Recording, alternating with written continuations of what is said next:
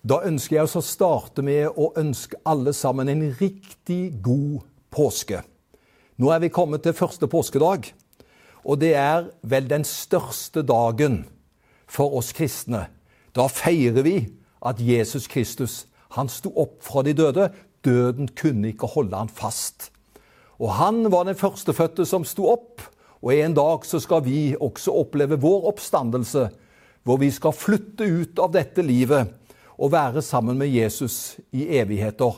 Han beseiret døden og har gitt oss et evig liv. Og det feirer vi, det gratulerer vi og ønsker hverandre Guds velsignelse rundt om dette, Herren, at Han er oppstanden. Og god påske til alle sammen. Etter at jeg har holdt min tale, så skal vi også feire nattvær. Og jeg håper du er klar, at du har med deg litt vin, litt saft og et stykke brød. Og så tar vi det i sammen umiddelbart efter talen. Og så er vi med og også feirer eh, Herrens nattvær. At han døde, men at han sto opp for oss. Men i og med at det er første påskedag i dag, så har jeg en tekst ifra den dagen. Den finner vi i Markus evangelium, kapittel 16. Og jeg vil lese de syv første versene i Markus kapittel 16. Da sabbaten var over, gikk Maria Magdalena, Maria mor til Jakob og Salomo, og kjøpte krydder for å gå og salve ham. Grytidlig om morgenen da solen hadde stått opp på den første dag i uken, kom de til graven. De sa til hverandre, Hvem skal rulle bort steinen fra gravåpningen for oss? Men da de så opp, så de at steinen var blitt rullet bort. Den var svært stor. Da de kom inn i graven, så de en ung mann kledd i en lang, hvit kappe, sitte på høyre side, og de ble forskrekket. Men han sier til dem, Vær ikke forskrekket. Dere søker Jesus fra Nasaret, han som ble korsfestet. Han er oppstått. Han er ikke her. Se, der er stedet de la ham. Men gå og si til disiplene hans og til Peter. Han går i forveien for dere til Galilea. Der skal dere få se ham, slik som han sa til dere.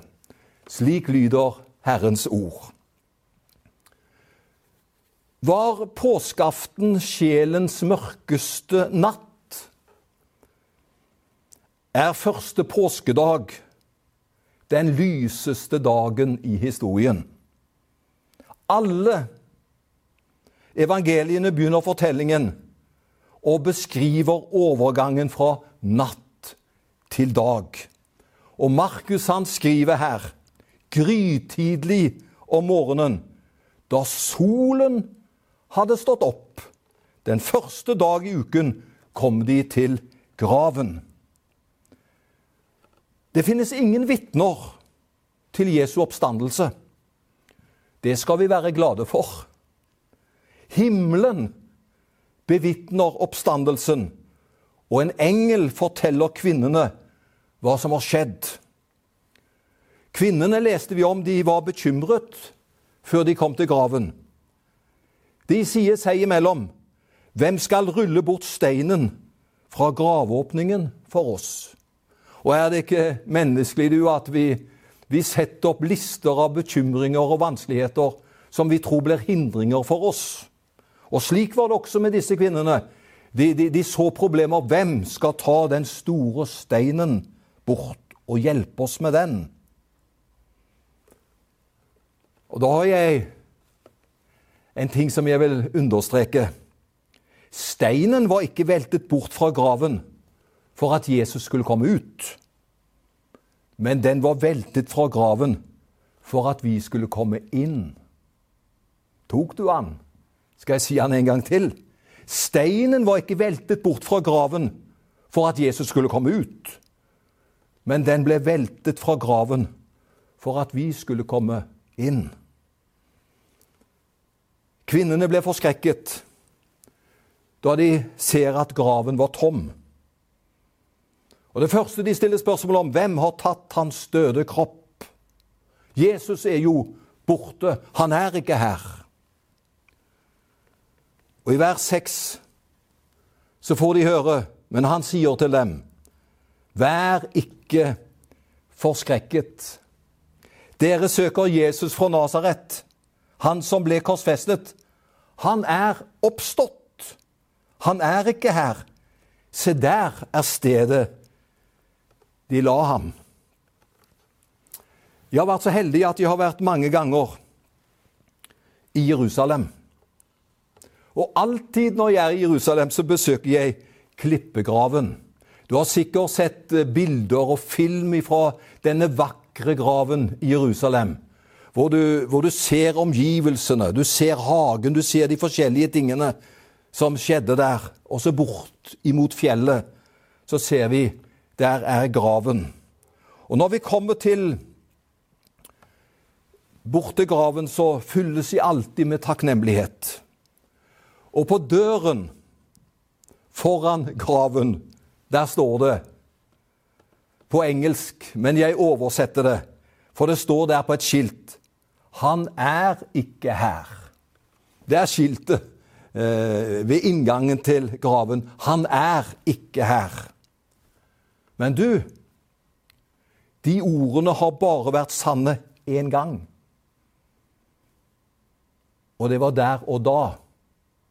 Den gangen, når engelen sier til kvinnene, så var det helt sant. Han er ikke her. Det var sant der og da.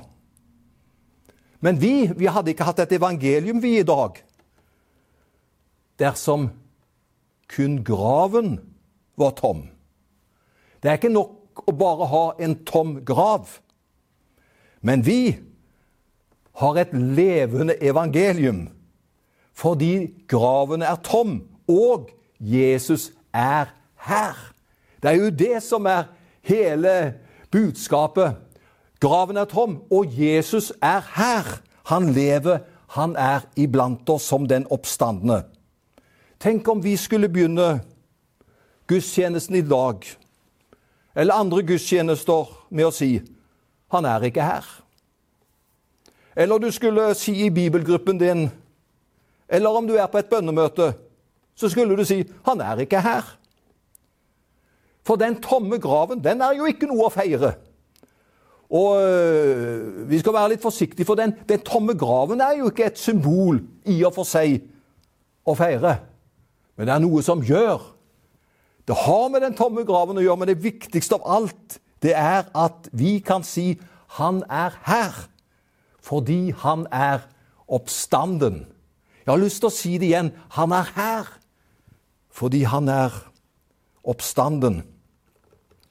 Det er også strålende at det var kvinner som først fikk høre at Jesus var oppstått. Jeg må si gratulerer, kvinner.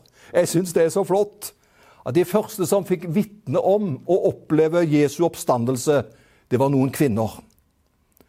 På Jesu tid så var det to grupper som ikke fikk vitne i en rettssak på Jesu tid. Det var gjetere og kvinner. De var ikke berettiget til å vitne i en rettssal.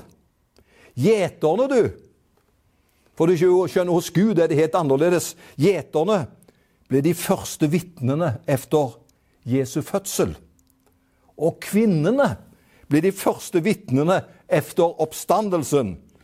Gud bruker hvem han vil, til og med deg og meg. Jeg vil avslutte min påsketale i dag. For på nettet, på digitalt, så gjør jeg den kort for at vi skal bli med. Jeg vil avslutte talen i dag med, med tre punkter som vi ser de to første menneskene disse kvinnene fikk møte da de er ved den tomme grav, og der de er om den oppstandende Kristus. Og Da er det tre korte punkter som, som, som vi kan dra ut av teksten, ut ifra hva som skjedde ved graven. Det første var de må tro.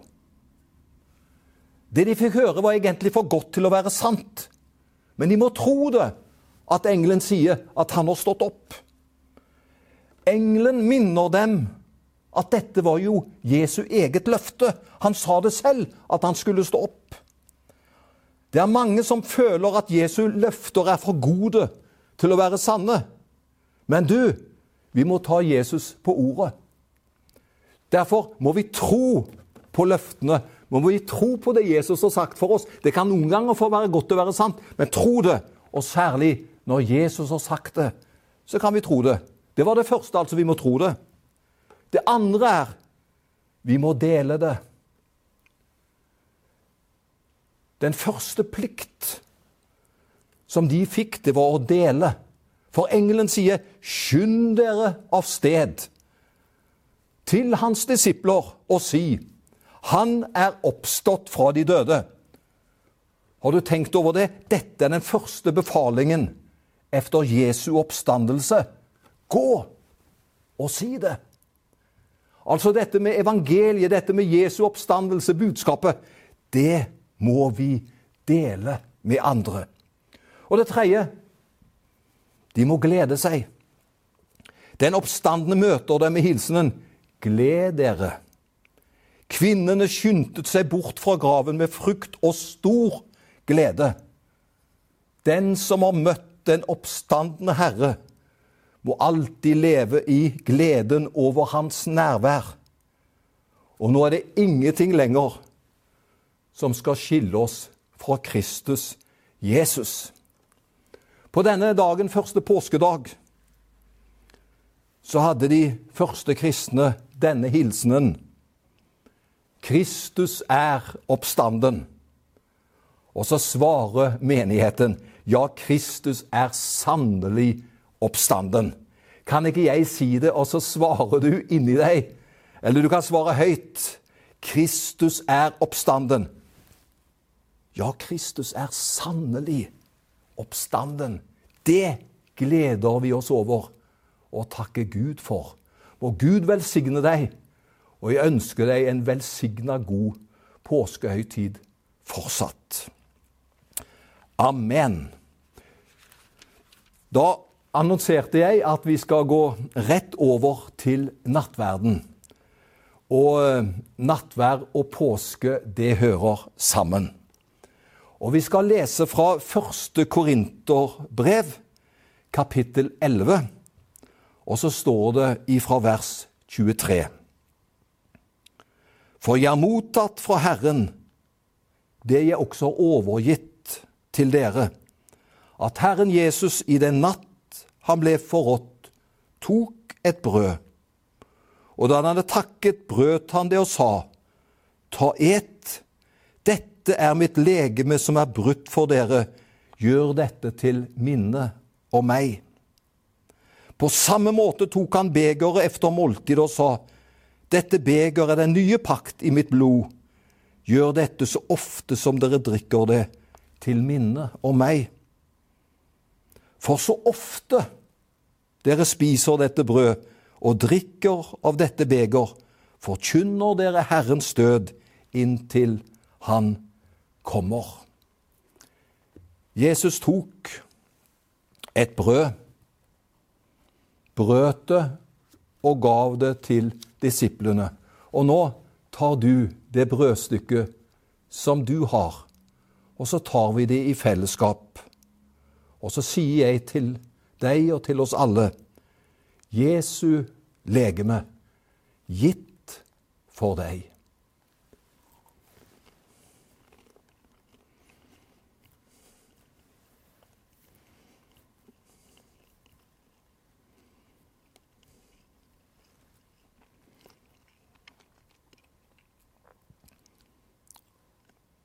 Takk, Jesus, du gav det dyrebareste du hadde. Du gav ditt eget liv for oss. Vi kan ikke fatte det, men vi tar imot gaven. Du har gitt deg selv for oss.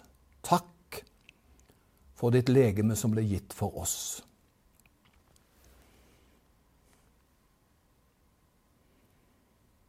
Så tok han kalken efter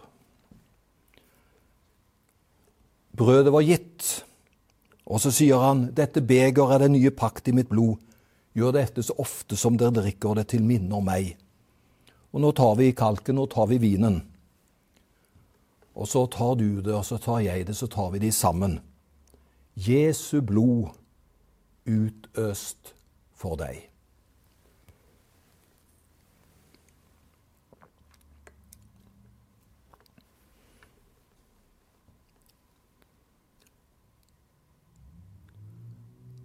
Takk, Jesus. Ditt blod er rant for oss. Takk for din forsoning. Takk for Du gav alt. Du har tilgitt oss alt. Du har gitt oss alt. Takk for en ny start. Takk for et evig liv som vi har i ditt verk på korset. Takk at dette er et styrkemåltid, det er et gledesmåltid langs veien. Vi er vandrere. Vi har et mål, og takk at en dag så skal vi få møte deg igjen. Du, den oppstandende frelser og Herre. Så velsigner du hver enkelt av oss. Takk at vi kan få leve under en åpen himmel. Takk at vi kan få leve under og i din oppstandelse. Takk at det er vår oppstandelse. Takk, Jesus, for det du har gjort for oss alle. I Jesu navn. Amen.